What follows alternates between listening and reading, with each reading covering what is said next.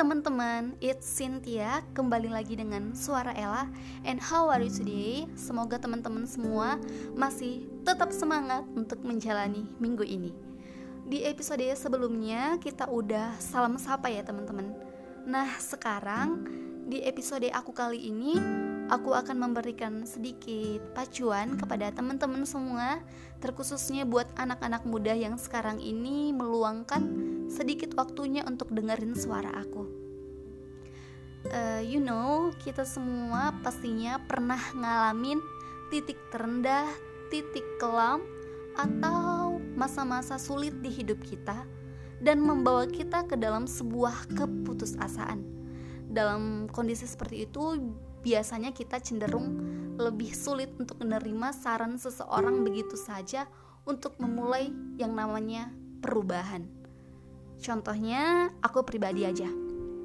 Seperti di kampus, ketika ada kuis atau semacam ujian gitu, kalau dapat nilai yang menurut aku gak sesuai sama ekspektasinya aku, padahal aku itu sudah berusaha rasanya kesal dan kecewa ada rada marah juga aku itu kadang sampai nangis guling-guling di kamar sendirian hanya karena itu aku berpikir kok bisa? Kok bisa dapat segini sih nilainya?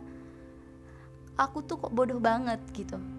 Aku bukannya nggak ada usaha sama sekali. Aku belajar dan asal mau ujian itu aku buat sistem belajar untuk diriku sendiri. Tapi kok bisa dapat segini? Aku jadi introspeksi diri aku lagi. Apa ada yang salah? Apa ada yang kurang dari cara belajarnya aku? Atau aku saja yang berlebihan? Ada banyak teman-teman yang bilang, nilai kamu itu sudah termasuk tinggi kok Sin dibandingkan sama aku. Ada juga yang bilang, cuma nilai kok Sin, gak perlu gitu-gitu kali. Ada juga yang bilang, ya disyukuri aja Sin, kan masih ada kesempatan di lain waktu. Tetap semangat Sin, kamu pasti bisa kok. Dan banyak lagi masukan-masukan dari teman-teman. Begitu banyak yang memberikan masukan-masukan, saran-saran, dan kata-kata menguatkan dari orang-orang yang berada di sekitar aku.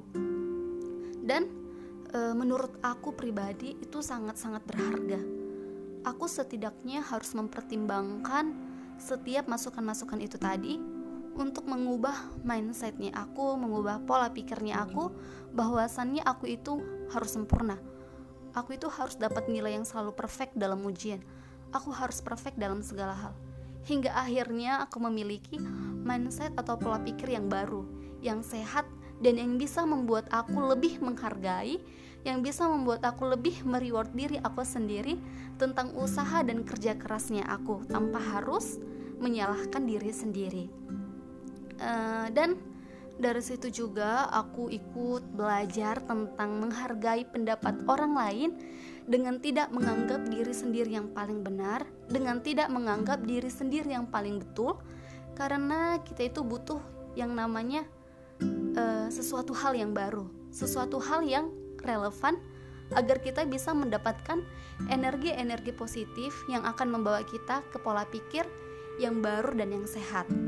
Aku juga pernah ngalamin titik terendah lainnya uh, ketika aku lagi seperti bosan untuk melangkahkan kaki aku ke kampus aku pernah ngalamin itu loh teman-teman. Aku juga yakin teman-teman semua pasti merasakan hal yang sama seperti aku. Bosan dengan suasana yang gitu-gitu aja. Tidak ada yang membuat diri aku terpacu untuk melangkahkan kaki aku ke kampus. Sampai pada suatu malam ketika aku lagi rebahan di tempat tidur sambil buka YouTube, aku nemuin sebuah video inspirasi. Teman-teman pasti tahu, uh, yaitu seorang motivator dunia yang terkenal yang memiliki keterbatasan namun sangat berpengaruh. Namanya yaitu Nick Fujikik. Aku nonton videonya itu sampai nangis karena melihat sosok yang begitu kuat, bersemangat, tidak berputus asa, dan tidak bermalas-malasan. Aku jadi malu sendiri melihat uh, videonya itu. Keterbatasan yang ia miliki tidak menghambat dirinya untuk tetap meraih mimpi, tidak menghambat dirinya untuk melihat masa depan, justru malah memberikan inspirasi yang begitu hebat untuk banyak orang. Dari situ aku tarik ke diri aku sendiri. Aku yang normal tidak memiliki keterbatasan sama sekali, tapi malah bermalas-malasan untuk masa depan aku sendiri.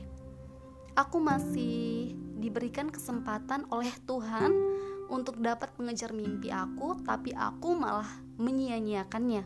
Aku berpikir masih banyak orang yang tidak memiliki keberuntungan seperti apa yang aku dapatkan sekarang ini.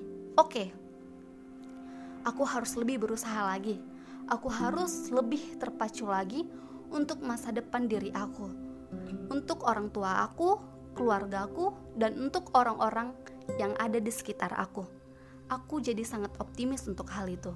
Sebenarnya e, banyak hal yang bi yang bisa kita jadikan pacuan dalam hidup kita, seperti yang aku sudah katakan tadi, bisa melalui orang-orang yang ada di sekitar kita, baik itu orang tua, keluarga, teman-teman kita, dari video-video inspirasi yang kita lihat, dari buku-buku yang kita baca, atau bahkan e, dari tokoh-tokoh yang kai yang bisa memberikan kita energi-energi positif untuk dapat mengubah mindsetnya kita itu tadi yang berputus asa menjadi pola pikir yang baru dan sehat. Bukan karena tidak ada keputusasaan, maka kamu dapat menerima saran orang lain, tetapi karena kamu mau mengubah keputusasaanmu menjadi bahagiamu. Sampai jumpa di suara Ella selanjutnya, teman-teman. Bye.